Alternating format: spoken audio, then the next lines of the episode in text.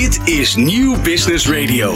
Welkom bij Remote Working in Progress, het programma op Nieuw Business Radio waar het gaat over hybride werken. Want ja, die definitie van hybride werken krijgt steeds meer vorm. Maar er is nog veel te ontwikkelen, discussiëren en te delen. En uiteraard delen wij persoonlijke visies en ervaringen. En natuurlijk staan we vandaag ook stil bij de actuele situatie en de ontwikkelingen rondom de coronapandemie. Waarbij we nu toch een andere kijk hebben. Wordt het een endemie? Ik zeg het volgens mij goed. Ehm, wat speelt er? Wat gaat er goed? En wat zijn de leerpunten? En hoe de business en het hybride werken er in de toekomst uit? Dit zijn onderwerpen die in hybride werken natuurlijk belangrijk zijn om te bespreken in dit programma. Ik ben Ron Lemmers en bij mij in de studio Mike Stern, initiatiefnemer van het Remote Working Summit, co-host ook van dit programma. Verder uh, stafpsycholoog Jan Macek van Arbonet en Joost Jette, Head of Enterprises bij Logitech Benelux. Vandaag gaan we het hebben over hoe belangrijk het welzijn van medewerkers is in het algemeen en welke rol een goede hybride thuiswerkomgeving daarbij speelt. De soft skills staan met andere woorden vandaag vooral centraal. Dit is Nieuw Business Radio. Zo Mike, goedemiddag, daar ben je weer. Hey, goedemorgen. Ik heb even zitten kijken op, uh, op de website van het, uh, het, het Thuiswerk Summit, het Remote Working Summit zoals het nu heet. Ik zag iets staan, 115 dagen nog tot de volgende geloof ik hè? Ja, het is aftellen. Ja. dat is altijd uh, heel lastig, want elke dag zie je dat er een dag minder is om dingen in, de stijgers te zetten. Aan de andere kant is het ook zo, we draaien inmiddels het derde summit, dus het format staat wel, dat maakt het een uh, stuk makkelijker werken. Maar ja, houdt ook in, uh, we hebben nieuwe dingen in de ontwikkeling, waaronder een award, daar zal ik zo nog iets over vertellen, maar we hoeven ons in ieder geval niet te ververren. Nee, het leuke is eigenlijk, we beginnen het programma ook altijd met het laatste nieuws. Hè. We kijken altijd even terug. De laatste uitzending was natuurlijk ja, twee maanden geleden. Um, wat is er veranderd? nou, veel en uh, tegelijkertijd ook niet. Want, uh, en daar zullen we het straks ook nog wel over gaan hebben. De mens verandert niet snel. Maar ondertussen verandert er om ons heen natuurlijk heel veel. En tegelijkertijd blijft het natuurlijk nog steeds verdiening. Toch ook koffiedik kijken van ja, waar gaat het uiteindelijk heen. Maar uh, in twee maanden tijd, we hebben inmiddels ook een nieuw programma. Dat heet Hybrid Working in Progress met Martina Howard. Ja, mijn collega ook van New Business ja, Radio. Klopt. Alleen is het dan in de studio opgenomen, in dit geval uh, bij Microsoft. Uh, gast aan tafel, actualiteiten. Omdat we merken dat je korter op de boom moet spelen. Er is ontzettend veel eh, behoefte aan informatie. En daar proberen we ook op in te spelen op die manier. Dan even die award, daar ben ik ook wel benieuwd naar. Ja. Nou, uh, we gaan een award uh, op het volgende summit op 7 juni, online summit, gaan we een award uitreiken. Dat wordt de, het Gouden Bureau.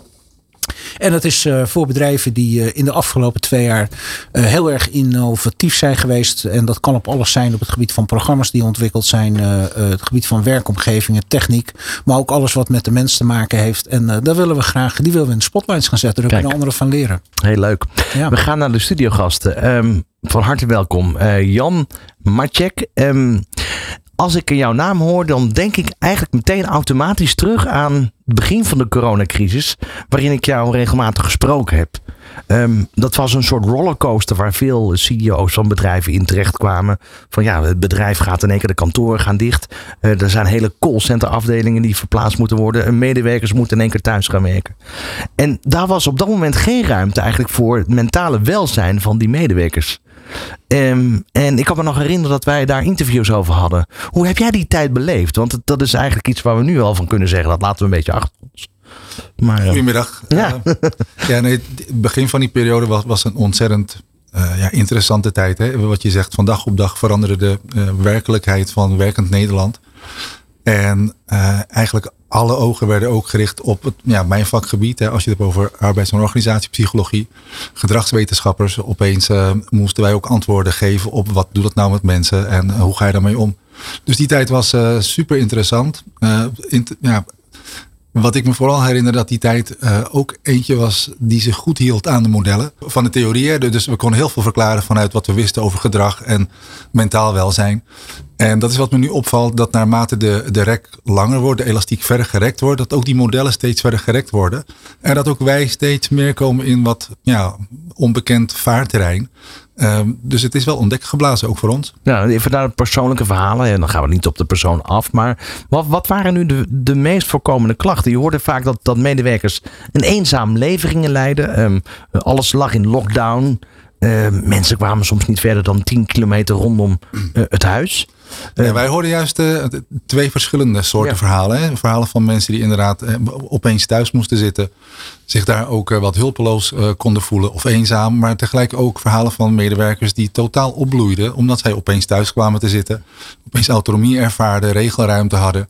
En ja, hun werk- en privébalans zelf meer in hand kregen. En die kregen we nog niet in de spreekkamer. Dus in de spreekkamer heb je altijd een soort ja, valse selectie van mensen die uitvallen in verzuim omdat iets niet goed gaat. Eh, maar in het grote plaatje wij ook heel lang het verhaal kunnen vertellen vanuit Arbonet dat het aandeel psychisch verzuim in het totale verzuim onveranderd bleef. De verzuim neemt toe, eh, zeker ook door corona-klachten. Maar het aandeel van psychische klachten in dat hele totale verzuim bleef hele lange tijd stabiel. En pas nu zien we dat daar een kanteling in aan te komen is. Dat die elastiek echt aan het trekken is. En dat mensen ook steeds meer en meer mentale klachten rapporteren. Nog steeds dus. Dus het is nog niet voorbij. Uh, nou ja, het aandeel mentale klachten is nu juist voor het eerst echt een groter aandeel aan het worden in het verzuim, lijkt wel.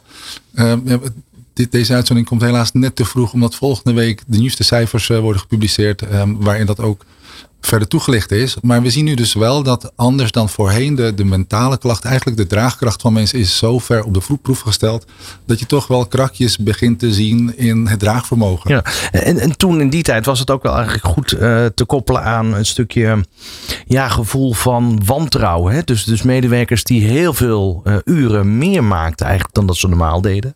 Omdat ze zo bang waren dat uh, vanuit het management er gekeken werd van maak jij je uren wel? En da daar zijn natuurlijk heel veel voorbeelden van te noemen. Massa-ontslag in Amerika. Uh, Maaike, jij kent dat wellicht nog. Ja, 900. Uh, nou, dat was blijkbaar aantoonbaar te, te, maken dat dat ook zo was. Dat, dat ze improductief waren. Maar, maar dit gaat natuurlijk wel. Hè, je gezinssituatie, de work-life balance stond onder druk. Maar heel veel aspecten die daarbij kwamen kijken. Jazeker, in het begin was, was juist het gevaar, dat, dat noem je blurring, uh, is veel over geschreven, dat dat werk en privé zo door elkaar gaan lopen dat er eigenlijk nog maar één ja, vervaagd geheel van werk en niet-werk is. Eigenlijk is werk 24 uur per dag aanwezig. En wat er inderdaad gebeurt is dat mensen die niet onder toezicht staan, zeker als ze belangrijk vinden dat hun uh, functioneren goed wordt beoordeeld, dat ze hun functie behouden, die gaan uit zichzelf eigenlijk net een stapje meer zetten. Omdat nergens meer goed duidelijk is, dit is genoeg geweest. Er is geen leidinggevende die, die zegt, ik heb gezien wat je hebt gedaan en fijn zo. Dus mensen zijn wel geneigd om een stapje harder te zetten, weer met risico voor die balans in werk en privé. Hè? Dus dan is dat stuk autonomie, wat erbij komt, uh, komt ook een stuk verantwoordelijkheidsgevoel bij. Ja. En mensen vullen dat soms in ten koste van zichzelf. Kon je daar nog een differentiatie maken in type sectoren? Waar bij bijvoorbeeld bepaalde sectoren het veel meer voorkomt dat er klachten zijn dan in sectoren als IT, die al gewend zijn om vaak hybride te werken? Nou, er zijn wel verschillen in sectoren, maar wat je dan klassiek ziet, en dat was ook in die beginperiode, dat in de zorg, het onderwijs, uh, eigenlijk de contactberoepen die uh, ofwel volledig moesten blijven werken op locatie. Daar zag je het verzuim toenemen. Of juist in het onderwijs waar het contact heel belangrijk is, maar opeens volledig wegvalt. Ik heb ook uh, zelf cliënten in behandeling gehad die, die moesten het werk organiseren, maar er was geen organisatie. Hè. Dus uh, docenten die op de trap van de school moesten gaan zitten en hun klas van 30 kinderen vanaf nou ja, de, eigenlijk de trapgang moesten lesgeven. Omdat simpelweg geen faciliteiten waren. Er was niet de inrichting. En nu twee jaar later is het een hele andere werkelijkheid. En is er veel meer handigheid eigenlijk ook gekomen. Hè? En over vertrouwdheid ook. Ja, we gaan even naar Joost Jette, Head of Enterprises bij Logitech. Ja, de grote facilitator. Jullie, het was niet aan te slepen, toch, in die tijd? Ja, uh, in die eerste fase zeker. Want toen, uh, toen dan krijg je eigenlijk een over, overvraag van alles. En dan betekent het dat mensen uh, ja, niet, ja, niet equipped zijn, om het maar zo op zijn Nederlands te zeggen. Ja. Dat je thuis moet gaan zitten en eigenlijk de productiviteit op, op vergelijkbaar niveau wil houden. En dat geldt vooral voor kenniswerkers. Uh, en, en ja, toen alles dichtging, toen zagen wij een enorme vraag, vooral in de thuiswerkplekomgeving. Ja, je hebt nog net niet besloten om bureaustoelen te gaan uh, produceren. Nee, dat hebben we nooit, nooit overwogen. We hebben wel samenwerkingen met bedrijven daarin. Maar ja, bij ons ging het natuurlijk om de, om de webcams en de headsets en, uh, en de muizen en de toetsenborden. Dat zijn eigenlijk de producten die ja, in die periode ja, niet aan te slepen waren. Eigenlijk. Ja, ik had het net over IT-bedrijven. Even terug naar Logitech zelf. Wat, ja. wat merkte jij daar in die tijd? Ja, als, als, als bedrijf zijn we, een, uh, zijn we natuurlijk een, ook een bijzondere daarin. Omdat we aan de ene kant zien we wat er, wat er gebeurt in de markt. Uh, dus er gaat een, een to toernooi met vraag komen. Tegelijkertijd ben je als bedrijf ook zo, zo georganiseerd. En ja, wij moeten ook als, als bedrijf daarin acteren. Dus bij ons uh, ja, heb je eigenlijk dezelfde, dezelfde fases. Waarin iedereen werd, alle kantoren werden dicht gedaan wereldwijd. Dus dan ga je ook allemaal naar huis. Nou, dat betekent ook dat mensen in een andere omgeving komen. Uh, veel meer in die thuissituatie komen. Nou, dan gaat als bedrijf moet je daar ook je, je, stappen in zetten. Dus je, je begint daarin uh, ja, ook, ook mensen te, te zien die daar wel mee en niet mee om kunnen gaan. Dus ik denk dat het vergelijkbaar is met elk bedrijf. En ja, als bedrijf moet je daar ook je verantwoordelijkheden nemen. En dat heb je als manager dan ook te doen. Dus daar zijn, daar zijn verschillende programma's in, wel, in welzijn zijn er in, de, in die periode ontwikkeld. Uh, je, je verandert je, je hele governance van, van meetings. Manier waarop je met elkaar omgaat. Je probeert ja, mensen erbij te houden. Uh, soms mensen er ook los te laten. Dus het zijn allerlei dingen die eigenlijk in, het, in vergelijkbaar zijn met, eh, met de rest van, eh, van de bedrijven die door dit soort fases heen gaan, zijn gegaan. Ja. Nu had het net met, met Jan met name ook over het mentale aspect. Leren omgaan met ja, zelfstandig of alleen thuis te werken, de eenzaamheid, dat soort zaken. Ja. Ik kan me voorstellen dat jullie als bedrijf ook hebben overwogen om te kijken van kunnen we daar niet nog meer in faciliteren bij klanten op het dat ze een product aanschaffen, dat er ergens een platform is waar al die informatie te vinden is. Ja, um, ook, ook de hele de enorme, ja, de enorme verandering heeft ons natuurlijk ook verrast. En zo zaten we natuurlijk aan het begin ook. En, en we zijn eigenlijk later zijn we in, ja, in, in eigenlijk een heel bijzonder traject terechtgekomen. Want net werd het voorbeeld van school werd genoemd, educatie. Wij zijn met een eigenlijk een aantal bedrijven die ja, vergelijkbaar in de sector zitten. Onder andere ook Microsoft. Eh, partijen zijn we samen gaan zitten om hoe kunnen wij bijvoorbeeld iets doen voor, uh, voor scholen. Hoe kunnen wij uh, iets ontwikkelen vanuit deze situatie dat ja, lessen door kunnen gaan en lessen altijd door kunnen gaan. Nou, er is een heel concept in ontwikkeld wat, wat nu ook gebruikt wordt landelijk in, in Nederland. Is een concept wat wij in, in Nederland en België hebben ontwikkeld. Nou, we hebben gekeken naar wat kunnen we in de zorg doen. Hoe kunnen we met bedrijven samenwerken om te kijken van hoe kunnen we zorg die doen toen de tijd natuurlijk enorm noodzakelijk was in IC's. Hoe kunnen we video aan het bed brengen? Dus we hebben ook geprobeerd om ook, ook zelf, om onszelf ook een stuk duiding te geven van wat kunnen wij als bedrijven doen. Nou, en dat hebben we uh, ook als zeer prettig ervaren. Want je gaf ook ritme aan de dag. Hè. Je dag is ook anders. Dus wij vonden ook dat je ja, ochtends of, s middags, in welke vorm dan ook, je bepaald uh, duidelijkheid over de dag moet krijgen. Waar je in balans moet komen of blijven. Ja, dus dat zijn allemaal dingen die wij ook hebben gedaan. En eigenlijk nog steeds proberen door te trekken naar de, naar de periode die, die nu komt. Zou je deze tijd kunnen bestempelen als revolutionair? Ja, ik heb dat uh, perso persoonlijke titel heb ik dat uh, wel eens gedaan. En, en, en, dat, dat, dat mag altijd, denk ik. Ik vind hem net zo, uh, net zo bijzonder als ja, toen ik voor het eerst internet ontdekte. En ik ben ook al van een, van een, van een redelijke leeftijd. Ik vond dat toen een, een enorme disruptie. En dat vind ik nu ook. Ik, zie, ik heb een dochter van 17. Ik heb een vrouw die in de zorg zit. Dus ik heb het op, op die kant gezien. Ik heb het bij mezelf gezien. Ik heb het in mijn bedrijf gezien, in de markt waarin we zitten. Ik, ik, ik, ja, dit hebben we nog nooit meegemaakt. En dit gaan we hopelijk ook nooit weer meemaken. Mike. Nou, wat wel even interessant hierin is, is uh, dat uh, enerzijds, ik, ik sta er een beetje dubbel in, want we, we praten heel erg in met veel dingen over al uh, de. Um, alsof het een soort voltooid verleden tijd is. Terwijl er ook nog heel veel dingen zijn die we moeten ontdekken. En wat eigenlijk, wat jij net vertelt, Joost, wat, wat ik heel erg interessant vind, is dat je als bedrijf eigenlijk voor een aantal hele ingewikkelde vraagstukken staat. Want enerzijds moet je kijken, wat gebeurt er binnen de markt? Wat gebeurt er binnen mijn bedrijf? Hoe kunnen we daarop inspelen? En hoe kunnen we ook nog zorgen, want eh, dat, jullie hebben zelf dan ook nog, als ik me niet vergis, 9.500 medewerkers. Hoe zorg je dat je die mensen letterlijk en figuurlijk aan boord houdt? Alles in een hele korte tijd. En dan denk ik even terug, uh, Jan, aan uh, uh, een aantal dingen die jij tijdens de eerste summit in maart hebt verteld over hoe langzaam en moeilijk mensen veranderen. En dat staat mijnszins heel erg haaks op elkaar. Klopt dat? Jazeker. Wat ik nog even wil zeggen over die facilitering juist door, de, door de goede tooling te bieden, uh, dit soort projecten ontwikkelen samen met de, de, de branche. Kijk, het voorbeeld van die eh, docenten die op de, in een trapgat haar les moest vormgeven. Het punt is namelijk dat werknemers vaak een heel groot verantwoordelijkheidsgevoel hebben om hun werk goed te doen. En als je gaat kijken naar waar stress vandaan komt, is het dat je gesteld ziet voor een taak, een opdracht. En uh, ergens al voelt dat het moeilijk of misschien zelfs niet mogelijk is om dat te doen. Uh, dus je moet iets doen wat je voelt dat je niet kan. En uh, zeker in die beginfase moesten de lessen doorgaan, maar de middelen waren er niet, de verbindingen klopten niet, de processen waren er niet, er waren geen afspraken. Zelfs die dagstructuur, wat je zei, de dagstructuur, die viel weg. Dus dat moesten mensen van begin af aan gaan opbouwen. Uh, van onderaf aan. Dus letterlijk met zichzelf afspreken. Wanneer begint mijn werkdag? Wanneer heb ik pauze? Wanneer eindig ik? Is het daarbij ook niet zo dat uh, mensen enorm veel behoefte aan structuur hebben? En eigenlijk niet functioneren als er een structuur wegvalt? Nou, mensen hebben behoefte aan controle. Eh, grip en controle. En structuur biedt dat. Ja. Dus wat is weggevallen is uh, eigenlijk de externe markering van je werkdag. Vroeger ging je om half acht of zeven uur, acht uur ging je van huis weg. En dat was eigenlijk begin van de dag. Op het moment dat je thuis kwam, vijf uur, half zes, was het het einde. En die markering viel weg toen je opeens wakker werd. Zelf moest weten wanneer zet ik de computer aan, wanneer ga ik met de hond wandelen, wanneer ga ik mijn pauze nemen. En vaak zag je dat die structuur door het wegvallen ook vervaagde. Dat mensen die pauze het maar maar niet gingen nemen. Of in plaats van vijf uur tot half zeven gingen doorwerken. En het terughalen van de controle door onder meer structuur aan te brengen, maar dus ook door geholpen te worden uh, met goede processen, afspraak over wanneer ben je beschikbaar, wanneer ben je bereikbaar, hoe kunnen we elkaar bereiken en dat ook kunnen met de juiste middelen. Uh, dat heeft in die twee jaar toch zulke grote stappen helpen brengen. Dat we nu met elkaar redelijk effectief kunnen samenwerken. Dat dan ook zo'n echt zo'n psychisch effect. Hè? Um, dat hoorden we in die tijd ook wel. Dat het heel handig was als je een aparte kamer had. Waarvan je de deur kon openen. En ook weer kon dichttrekken. Met andere woorden, zo, nu ben ik klaar. Um, wat natuurlijk heel erg gedijt is dat, dat er containers werden geplaatst bij mensen in, in, in de tuin. Ja. Dat soort dingen heb je waarschijnlijk ook voorbij ja, komen, toch? Nou ja, een van de mooiste voorbeelden vond ik uh, van een van onze eigen bedrijfsartsen.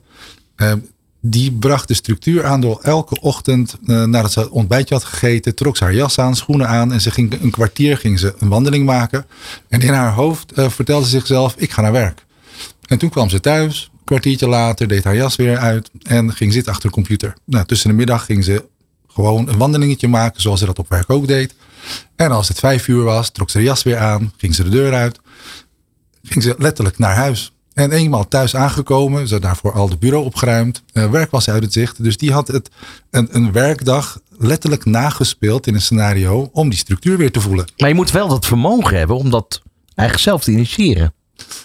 Ja, je moet vermogen hebben en je moet ook ergens misschien geholpen worden. Um, je moet het ook weten dat dat belangrijk is. Ja, mensen worden in het diepe gegooid. Uh, als nou, vroeger mijn oom vertelde altijd, die heeft leren zwemmen door in het diepe gegooid te worden en dan maar kijken wat je doet. Het helpt natuurlijk wel als je van tevoren hoort, als je in het water komt, moet je handen bewegen, benen bewegen en dan komt het wel goed. Nou ja, en wat we niet moeten vergeten, wat ik denk ook wel heel erg meespeelt, als ik kijk uh, uh, naar een van de vorige summits, uh, daar was Kilian Wawoe van de Vrije Universiteit Amsterdam. En die begon eigenlijk zijn hele verhaal van, joh, dat thuiswerken, dat is een hele verkeerde term dat zit bij mensen helemaal verkeerd tussen de oren. Thuis doe je hele andere dingen. En wat ik daarbij ook wel interessant vind, uh, als we bijvoorbeeld uh, de, de verbazingen al om, hè, van hoe kan het dat er weer heel veel files staan. Maar wat mensen ook vaak vergeten is, zoals jij net in dat patroon aangaf, Jan, dat er ook mensen zijn die juist de behoefte hebben om na die kantoordag in die auto te zitten, de denktank, even helemaal niets, telefoon uit, radio uit. En voordat ik mijn avondleven thuis in ga, kan ik in dat patroon wat ik voor mezelf heb gecreëerd, ook een rust meer creëren. En dat is natuurlijk allemaal weggevallen. Ja. We gaan er zo meteen ja, verder praten. We gaan meer naar het hier en nu ook eigenlijk. Want dit is natuurlijk een beetje de basis van waarop het allemaal begon. Maar waar gaat het nu naartoe? Dat, dat hybride werken. En ook waar moet je psychisch nog rekening mee houden? Zometeen in dit programma Remote Working in Progress. Dit is New Business Radio. En je luistert naar Remote Working in Progress met uh, vandaag Jan Marcek te gast. Uh, stafpsycholoog bij Arne Arbonet en Joost Jette. Head of Enterprises bij Logitech Benelux. En natuurlijk Mike Stern, co-host van dit programma en de organisator achter uh, ja, de Remote Working Summit. Die dus over 115 dagen weer gaat plaatsvinden. Even terug naar jou, Joost. Um, we hadden net over. Uh, ik stelde eigenlijk de vraag van. Je kan hier spreken van een revolutie. Het is misschien een open deur, maar het geeft wel weer in wat voor tijdperk we nu zitten. Um, er ontwikkelen heel veel zaken zich op een hele snelle manier. Callcenters die in één keer massaal vanuit huis uh, gedaan kunnen worden. Ja. is allemaal in, uh, jarenlang over gediscussieerd. Ja. En door corona was het in een week geregeld. Ja, dus het kan wel. Het kan wel. Ja. Ja. Wat, wat haal je nog meer uit deze periode waar we nu in nou, zitten? Dat, je, dat je een crisis nodig hebt om, um, om gedragsveranderingen te creëren. En als gedragsveranderingen zijn waardoor je een betere balans krijgt in je, in je werk en privé, of in je werk of in je leven, dan zou ik dat omarmen. Dan zou ik dat omarmen. En um, dat zie je dus in de, ja, de ontwikkeling van de technologie. Je ziet dat videobellen niet meer iets heel ingewikkelds is. Hè. Dat was voorheen was dat, uh, ja, besteed aan, uh, aan grote ruimtes en uh, grote kantoren. En dat, we deden liever de video niet aan. Nou, we hebben net goede voorbeelden gehoord van mensen trekken hun jas aan, gaan naar hun werk en gaan naar een kamer toe en, en doen dat. Alleen het heeft, ja, de manier van werken zijn we aan gewend. En, en je moet daar weer de, de tijd, de vrije tijd in terugbrengen. Want dat is het stuk natuurlijk waar we het meeste missen. Dat we niet de dingen kunnen doen die we, kunnen, die we wilden doen.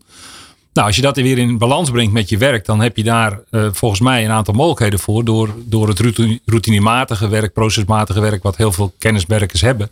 Om dat bijvoorbeeld thuis te doen. En dan pak je twee, drie dagen een keer niet de auto. En dan heb je een groter doel. En dat is denk ik waar we met elkaar moeten gaan formuleren. Hoe kunnen we ja, bepaalde uh, doelstellingen sustainability doelstellingen met elkaar halen. Want dat, dat hangt ook als een grote deken boven deze wereld.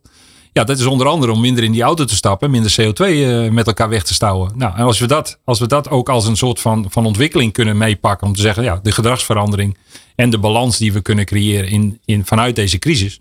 Ja, ik denk dat dat een, een hele bijzondere bijvangst is, waarin we met elkaar eigenlijk over moeten gaan praten. En dat we dan ja, in plaats van hybride werken, misschien wel sustainable werken moeten gaan creëren. Waar, hoe, je, hoe je gaat werken. Dat zou een vervolgstap kunnen zijn. Ja, dus, ja. dus eigenlijk ben je erop voorbereid, je bent fijn met de trein? Ik ben fijn met de trein. En uh, dat is uh, ja, een NS1 misschien uh, principe. Maar het, het bevalt mij goed. Ik kan mijn, mijn werk doen. En ik, ik heb het gevoel dat ik iets, ja, iets toevoeg aan, aan die doelen. Misschien even interessant om op in te haken. Want de, ik vraag mij af of de regering daar. Ik zie dit als een inkopper op dit moment, maar niet met 2 euro thuiswerkvergoeding per dag.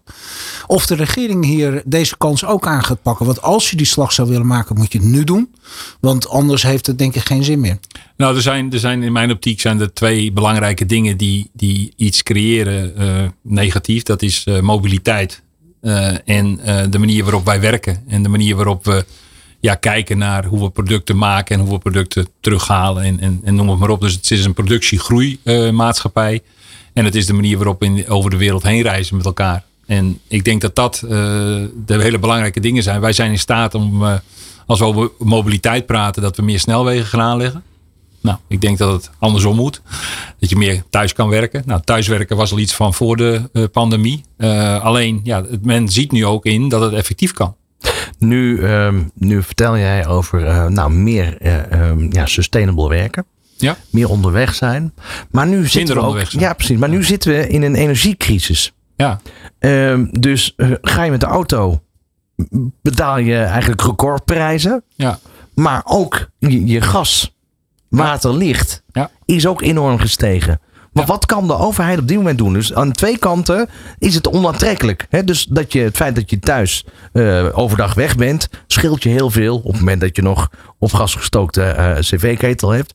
Uh, maar aan de andere kant, die rit hier naartoe, ja, die kost natuurlijk ook geld. Ja, ik vind dat een, een, lastige voor mij om die te beantwoorden. Ja, toch, ik denk maar, dat mijn, als dat mijn expertise, nadenken, mijn expertise is, uh, dat moet je ook niet overdrijven. Ik, uh, ik kijk alleen naar, naar de bewegingen die mensen maken. En dat heeft, ja, op daar de, waar, de, waar de tekorten aan, uh, aan gas en elektriciteit vandaan komen, dat, daar hebben andere knappe koppen beter over gestudeerd.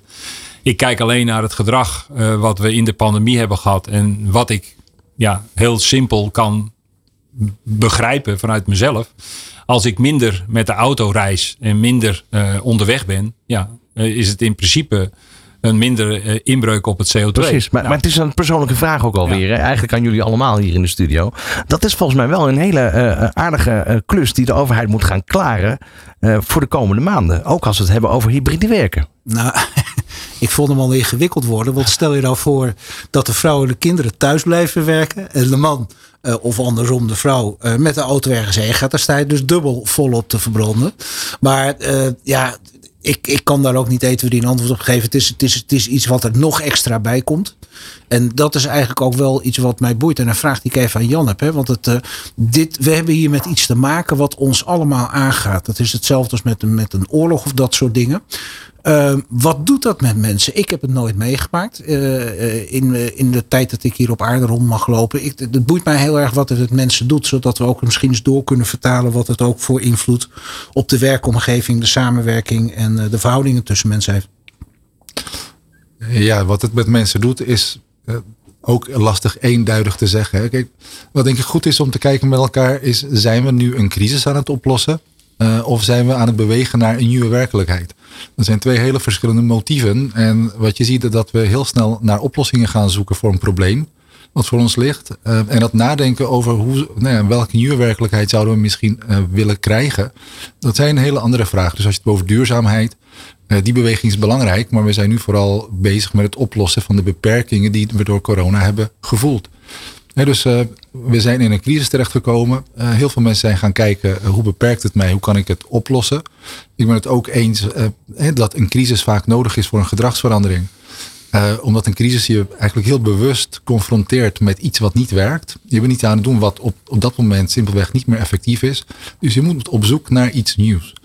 En een gedragsveranderingsmodel waar wij uh, vaak mee werken, die, die gaat door de schijven van uh, eerst inzicht hebben over wat is eigenlijk het mechanisme wat hier gaande is. Um, vanuit dat inzicht in het mechanisme maak je vertaalslag naar jezelf. Hè. Ga je naar zelfinzicht, dan ga je het herkennen. Hey, wat doet het bij mij? Dus jouw vraag over wat gebeurt er nou met mensen is een hele belangrijke om naar de derde stap te kunnen. Dat je daar een beslissing over neemt. Zolang je in een soort automatisch patroon uh, met elkaar belandt. Waar je niet meer hoeft na te denken. En je doet gewoon wat je gisteren ook deed. Hè, heel automatisch, haast dwangmatig actie-reactiepatroon. Hè. Uh, is er geen verandering eigenlijk mogelijk? Pas op het moment dat je ziet dat dat patroon steeds keer op keer zich aan het afspelen is, je gaat het herkennen en je gaat jezelf daarin herkennen, dan heb je de mogelijkheid voor het eerst misschien wel om daar een beslissing over te nemen. En dan is belangrijk die tweede vraag, oké, die beslissing die je gaat nemen, wil je naar een gewenste toekomst toe of wil je vooral van het probleem af? Het houdt eigenlijk wel in dat als, zoals jij eerder stelde, dat mensen leiding nodig hebben. Zo zei het, hè? Dat uh, uh, mensen hebben leiding nodig. Klopt dat? Zeg ik het goed? Dat zal ik of nooit zo... Nee, structuur zijn. Structuur. Ja, ja. ja. Mensen hebben vooral heel veel behoefte aan controle. Controle Con, dat was ik even bij, controle. Maar ik denk ook wel aan, uh, laat ik het begeleiding dan noemen. Dat met wat jij nu aanhaalt, dat hier een super interessant, maar ook een enorme verantwoording voor het management van bedrijven ligt. Om, om hierover na te denken. Om mensen ook te helpen en de organisatie op de Zeker. Ja. Ik denk dat het management, het bestuur van organisaties nu meer dan ooit um, eigenlijk de richting bepaalt waarin we gaan bewegen. Um, ik, ja, ik kijk graag naar organisaties als bijvoorbeeld een orkest waar een dirigent voor staat. Het hele orkest, die dirigent hoeft niet te vertellen wat ze moeten spelen. Dat staat in de noten. Iedereen weet precies wat de bedoeling is. De dirigent bepaalt wel het tempo, het cadans, de kleur, het gevoel. Dus zodra wij met elkaar de partituur hebben, en daar zit denk ik wel de crux dat we nog niet helder hebben waar willen we eigenlijk naartoe. De een die speelt misschien een stukje duurzaamheid, de ander speelt een stukje welbevinden en die speelt weer een stukje productiviteit. Eh, als we met elkaar die partituur helder hebben, eh, dan heb je nog eigenlijk vooral stimulerend, dienend leiderschap, ondersteunend leiderschap nodig. Want mensen willen wel ergens naartoe. Uh, maar op dit moment zoekt iedereen zijn eigen doelen. Nou, dat vind ik ook wel interessant, want we hebben daar uh, een, uh, de, de vorige uh, gesprek wat we hier hebben gehad uh, met Marjolein Venninga, die, ja, dat ging daarover, hè, dat de mensen nu eigenlijk, wie was ook weer die man die die mooie curve had bedacht, Rob? poeh, even nadenken hoor. Kubler, het was iets met elkaar. Nee, ik weet ja, het zo niet. Okay. Het zo niet. Maar het ging er wel om dat we eigenlijk vanuit de totale ontkenningsfase in een soort vacuüm zijn gekomen. Steeds meer dingen vooruit hebben geschoven. Het gaat allemaal over, het wordt wel anders, het komt wel, het komt wel. En dat we nu eigenlijk uh, allemaal in een rouwfase zitten van jongens, het is zoals het is en we moeten door. Um, als ik ook even naar Joost kijk, hè, grote organisatie, heel veel collega's. Hoe, hoe, als je het vanuit jullie even naar binnen het bedrijf in kijkt, hoe, hoe zijn jullie daar doorheen gekomen? Hoe zie jij dat? Nou, het is geen uh, episode van Afterlife geweest. Uh, het, is een, uh, het is inderdaad, als je door een proces heen gaat, is natuurlijk wat je bedoelde volgens mij, was een, een, een rouwproces waar je doorheen moet om, om verandering of, of een aanpassing en een verandering te creëren. Ja. Als bedrijf hebben we natuurlijk de middelen om de technologie nog meer te omarmen. En dat is ook een van de dingen die ik wel vaker heb gezegd. De technologie is er om de manier van werken te vinden die het beste bij je past als je in het kenniswerk zit. Hè. Het is natuurlijk uh, beroepen afhankelijk. Wat ik uh, vooral heel fijn vond, is dat educatie meer en meer gedigitaliseerd is. En dat wil niet zeggen dat je digitaal alleen maar les moet geven. Maar je kan wel digitale hulpmiddelen gebruiken die echt helpen om kinderen goed onderwijs te geven. In, op welke manier dan ook. En dat kan natuurlijk allemaal veel beter en daar moet ook in geïnvesteerd worden. Als je kijkt naar ons bedrijf, wij, wij, wij kennen die cultuur al van thuiswerken. Dus voor ons was het niet een, een revolutie. Het was alleen op een andere manier dat je met je eigen klanten en met je eigen toeleveranciers moest omgaan. Dat was Omdat- eigenlijk waar ik al aan refereerde in het begin Correct. van het programma. IT-sector was al zover. Ja, ja, thuiswerken Nou ja, is de, de acceptatie. Ja, maar de acceptatie was, was eigenlijk van hoe ga je die technologie nou functioneel inzetten. Ja. En daar, weet je, we praten, en in mijn vakgebied, we praten al 30 jaar over videoconferencing. Alleen nu pas durven we een video aan te zetten en dan zitten we in onze korte broek achter in onze huiskamer, want het maakt niet meer uit. Dus de gêne, als die er was, is voorbij. Nou ja, wat, wat Iedereen alleen- begrijpt, de hond mag erbij, de kat mag erbij, alles mag, mag erbij. En als het, maar, als het maar het gevoel geeft dat je dus betrokkenheid bent. Dus het heeft met een cultuur te maken. Dus als wij een cultuur van openheid hebben, dus je gaat ook over andere, hè, inclusivity, je gaat over hele andere thema's begin je nu te praten. Dat mensen ook ja, aan het proces kunnen deelnemen zonder dat ze ooit op het kantoor hoeven te zijn. Dus Maar je krijgt een heel andere, heel als andere dat, vorm. Als je dat hebt in die andere vormen. eh, ik zie best wel bij bedrijven dat je een situatie hebt dat er bijvoorbeeld een meeting is gepland. Vier mensen zitten in de, board, eh, in de eh, boardroom. Vier mensen bellen vanuit waar dan ook, laten we maar zeggen vanuit thuis in. Dat je ziet dat dat scheve koppen soms geeft. Hè? Dat mensen denken van ja, waarom zijn wij wel hierheen gereden en, en jullie niet in dat hele proces van dat format creëren, dan kom je terug bij het management, het uitvinden. Want dat is volgens mij één grote uitvinding eh, ja, eh, waar we mee bezig zijn. Ehm, moeten bedrijven daar ook heel erg, eh, termen zo een paar keer gevallen, het format gaan vinden van hoe gaan we dit nou verankeren? Dat je goed met elkaar om kan gaan. Heb je, is dat bij jullie in, in zo'n grote Ja, het is, het is, het is, een, kijk, als je in bedrijven spreekt, vraag je vader over concurrentievoordeel. Kijk, aan het moment dat je in een digitale wereld zit, waar we allemaal in zitten, dan komt je concurrentie niet meer van, de, van het bedrijf op de hoek. Dan komt de wereld natuurlijk overal, kan, kan digitaal gewerkt worden. Ja. Nou, als je daarin eh bestuursvormen hebt waarin je het raar vindt dat vier mensen thuis zitten en vier mensen aan een meetingtafel, dan zou ik overwegen om eens naar je bestuursvorm te kijken. Want dat is niet meer van deze tijd. In de vormen. En ik kan het niet in, inschatten in welke, welke bedrijfstak dat is. Maar ik vind het niet meer van deze tijd. Ah, en ik, ik- ik ga meer in die, in die vorm van die dirigenten die ik net heb gehoord. Dat je dus een, een, een orkest hebt dat je moet laten spelen. Nou, die mensen, dat zijn specialisten. Die weten allemaal wat ze moeten doen. Het gaat erom het tempo, het gaat om de kleur, zoals je net, eh, net heel goed uit, uit, eh, uit hebt gelegd. Nou, en dat zijn ook de, de tegenwoordig de managementstijlen die horen bij de digitale economie. Als ik, eh, Jan, als ik dit even bij jou nog terugleg. We hebben het net gehad over de complexiteit van, van processen, ver- met name veranderingsprocessen. Als ik nu kijk waar we het nu over hebben, dan is dit maar weer een onderdeel van het hele verhaal. Ik zie het als een soort enorme rij domino-stenen. Je tikt er één om en het heeft allemaal heel veel consequenties. Remt dat ook niet ontzettend dat we gewoon met te veel processen in één keer te snel bezig moeten zijn? Zeker wel. Eh, ik moet een beetje glimlachen, want we hebben het over die. Ik dacht dat je me uitlachte. Nee, nee we, we hebben het natuurlijk over hele terechte punten. hè. Je kunt dingen op afstand doen, je kunt dingen, eh, je kunt bij elkaar inbellen. Eh, en dan keek ik rond en dan, wij zijn vandaag wel met z'n vieren naar deze studio gereden om dit gesprek live te kunnen doen. En ik denk dat dat echt wel verschil maakt ook in de dynamiek van het gesprek. We kunnen elkaar aankijken. Je ziet eh non-verbaal Ja. gedrag, eh, ondanks dat, dat een camera niet aanstaat. Eh, dus dat op afstand werken vraagt ook echt iets van de competenties van mensen. Het vermogen om dat eh, te willen en te kunnen. Eh, kijk, onze oudste zoon ehm, en dochter ook overigens, die zijn allebei 18. Maar die hebben nog steeds de neiging om als hun telefoon gaat, om weg te lopen. eh, om in de gang te gaan bellen, want ze zijn voelen toch een beetje opgelaten. Ja, dus eh, telefoon is al eng, eh, gooi de camera erbij open. En dit is dus niet iets wat mensen actief zelf kiezen omdat ze dat prettiger vinden. Maar het is een werkelijkheid waarin ze zijn getrokken. Hè, waarin ze ook eigenlijk mee moeten komen om succesvol te blijven in het werk. Eh, het is heel goed mogelijk, maar niet iedereen is even ver daarin. Niet iedereen is denk ik ook even, nou ja, misschien ook begaafd om dat te doen. Dus het vraagt ook nogal wat van de persoonlijke kenmerken, competenties van werknemers. Je, je had het over die elastiek, hè, net al in het programma. En nu hebben we het over die ontwikkeling die langzaam zeker doorgaat. Maar wat, wat kost dat voor mensen op het moment dat je, eigenlijk is het loslaten, lockdown, loslaten, lockdown. Het gaat maar op Ja, en neer. Maar wat doet dat met, met ja, de, ja. precies, maar wat doet dat met die, met die werknemer? Nou ja, je hebt het letterlijk over veerkracht. En veerkracht is niet iets wat op zichzelf staat. Hè. Veerkracht is uiteindelijk een, een soort ja, een, een uitkomstmaat eh, van allerlei omstandigheden, persoonlijke kenmerken. Hè, bijvoorbeeld ehm, is iemand hoopvol, aangelegd, optimistisch, is iemand zelfstandig, verantwoordelijk, heeft hij een eigen gevoel van controle over zichzelf. Ehm, mensen die veerkrachtig zijn, die gaan in deze situatie natuurlijk veel soepeler om met alle veranderingen.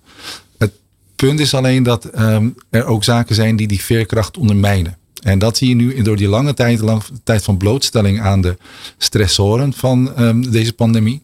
Uh, wij hebben laatst een uh, whitepaper gepubliceerd over werkstress. En dan zie je dat er nou ja, zaken zijn die uh, werkstress verminderen. Zoals autonomie, ontwikkelmogelijkheden, sociale steun. Maar er zijn ook stressbronnen die die stress juist voeden en aanwakkeren. En twee van de sterkste stressoren, dat is werk-thuis-interferentie en thuiswerkinterferentie. Dus de impact die je thuissituatie heeft op je werk, uh, dat blijkt een van de grootste stressbronnen te zijn. Uh, dus ondermijnt ook die veerkracht. Uh, net zoals dat de invloed die werk op je thuissituatie heeft. Dus dat je door werk bijvoorbeeld sommige privé dingen niet meer kan doen. Wat we nu ook hebben gezien is dat afgelopen twee jaar mensen eigenlijk constant en continu um, in die thuissituatie, die moeten ze opeens zien, um, ja, een soort uh, te combineren of, of mooi uh, samen te laten vloeien met die werksituatie. Dus er is een continue toestand van werk thuis en thuis-werkinterferentie.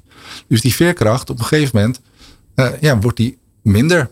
En op het moment dat die veerkracht minder is, ja, dan ben je stressgevoeliger. Op het moment dat je stressgevoeliger bent, vatbaarder voor stress, komen dingen ook sneller binnen.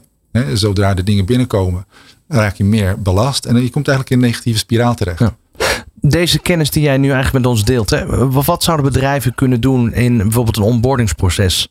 Moet dit, moet dit een onderwerp worden? Nou, ik denk dat uh, de manier van werken uh, zeker een onderwerp zou moeten worden van een onboardingsproces. Is nog niet zo natuurlijk. Ja. Ik kan het niet door heel werkend Nederland uh, beschouwen. Bij ons, bij Arbonet, bij, bij de moedermaatschappij Human Total Care is dat zeker een onderwerp wat we behandelen. Ook omdat wij hebben eigenlijk gezien en gemerkt dat uh, op afstand werken heel goed mogelijk is. Maar niet altijd, niet overal. In mijn eigen werk, in mijn eigen spreekkamer kan dat lang niet. Nou lang niet altijd. Niet elke casus, niet elke problematiek leent zich daarvoor. Maar het is wel iets wat van bovenaf inderdaad gedragen moet zijn als een mogelijkheid. Um, dat het duidelijk is wat, uh, wat kan. Dat duidelijk is afgesproken wat ook de ruimte is die mensen daarin moeten innemen. En steeds, wij, wij kijken wel steeds vanuit het, um, vanuit de regelknop. Hoe kunnen wij naar uh, competente, gemotiveerde, gezonde mensen toe, uh, nou ja, om die voor elkaar te krijgen. En zowel op gezondheid als het stuk van je, succesvol zijn in het werk, als het gemotiveerd zijn in je werk, daar spelen deze um, factoren allemaal mee. Ja, en, en, ik denk dat het absoluut ook de balans is. Kijk, ik ben niet degene die het liefst elke dag gewoon thuis werkt. Je moet daar een, een, Ik vind voor mezelf, en dat vinden heel veel van onze collega's ook, dat, we, dat je daar een balans in moet vinden. Nou, je slaat. Aan de ene kant sla je helemaal door, want je moet allemaal verplicht naar huis. En je gaat vanaf thuis werken. Het bedrijf vraagt een bepaalde flexibiliteit daarin. Uh, creëert dat ook door allerlei omstandigheden eromheen. We, we, we mochten één dag per maand kregen we extra vrij. We hebben nu een lang weekend. Over twee weken hebben we een lang weekend. Krijgen we twee dagen per kwartaal krijgen we extra vrij. Om die balans ook te houden in je privé en, uh, en, en, en mensen die daar de behoefte aan hebben. Dus je krijgt een, een andere manier van de digitalisering die ons allemaal geraakt heeft de afgelopen jaren. Uh, die gaat ook in het werk nu plaatsvinden. En die heeft zich heel erg plaatsgevonden in hoe we de afgelopen twee jaar ons hebben daarin ontwikkeld. En positief, negatief. Dus wat je eigenlijk ziet is dat je het een, een plek moet geven waarin je zegt van oké, okay, dit kan. Dit kan dus. Alleen dat is niet mijn leven. Want ik ga niet zes dagen of zeven dagen of vijf dagen ga ik achter die computer zitten. Want dat is ook niet gezond. Dus je moet daar als, als werkgever en vooral ook voor jezelf, en dat is natuurlijk de belangrijkste werkgever, dat ben je zelf, dat je daar ook gewoon keuzes in moet maken. En dan moet de cultuur van het bedrijf er ook de ruimte voor geven. En anders ga je weer terug in hetgeen wat je daarvoor deed. Precies, een aantal maanden geleden, um, dan hebben we het over oktober, waarin die anderhalve meter samenleving ging eraf. Um, toen ontstonden de discussies bij bedrijven van, ja, sommige medewerkers willen niet meer terug naar kantoor. Hoe kan je die weer naar kantoor bewegen? Vervolgens gaan we in december weer een lockdown. Uh, hebben al die mensen in één keer denken, oh, oh, kijk, mooi. Uh, straks krijg je weer hetzelfde verhaal. Hoe kan je dit nog op een of andere manier uh, zo regelen dat, dat die medewerkers wel weer in beweging komen en uiteindelijk wel weer de stap zetten naar met elkaar toch af en toe op kantoor zijn? Nou, Lijkt mij steeds moeilijker worden, Jan. Uh, ik denk dat dat proces niet, een ste niet steeds moeilijker is, maar juist steeds relevanter. ik weet nog tijdens het vorige summit hebben we het al, ook al uitgesproken. Er is niet een één een soort one size fits all oplossing. Het is juist een individuele aangelegenheid. Het is iets wat je in gesprek met elkaar met je leidinggevende doet. Kijk, als ik toevallig iemand ben die uh, ontzettend goed gedijt in die autonomie, uh, eigen verantwoordelijkheid, ik kan mijn structuur goed aanbrengen. Ehm, dan wil ik daar graag ook de ruimte voor krijgen. En natuurlijk snap ik dat ik ook twee, drie dagen misschien af en toe ergens moet verschijnen om elkaar de verbinding te houden of overleg te plegen. Uh, maar het kan best goed zijn dat mijn collega uh, juist staat te popelen om iemand weer te spreken bij de koffieautomaat. En die moet dat ook kunnen uitspreken en moet ook kunnen, eigenlijk, ja, dat moet mogelijk zijn. Dus dat die werkbeleving en de werkplezier eigenlijk ook de, de gezondheid in het werk, die, die kunnen we steeds beter en beter faciliteren. Juist omdat de ruimte om dat te regelen groter is geworden.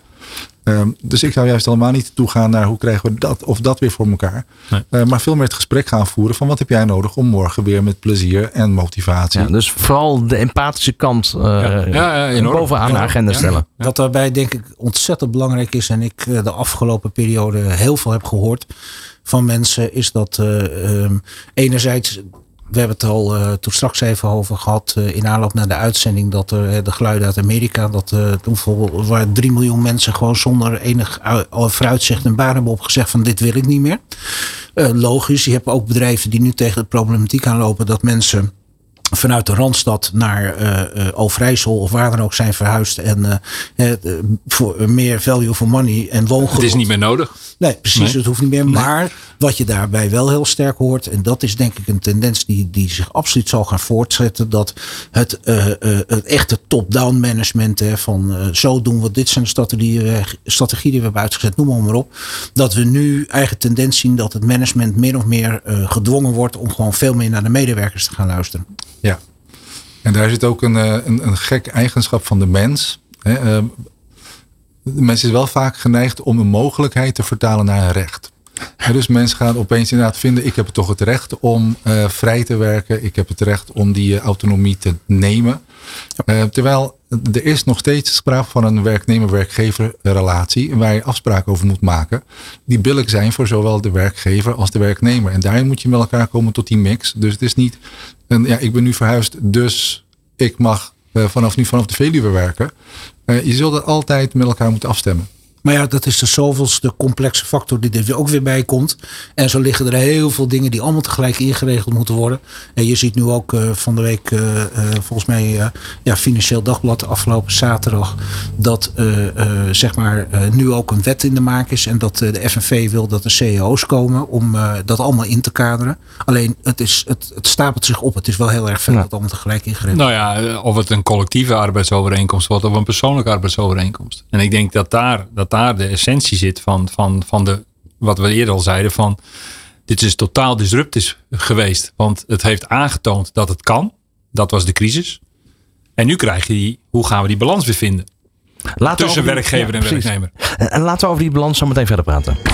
Van hippe start-up tot ijzersterke multinational. Iedereen praat mee op New Business Radio.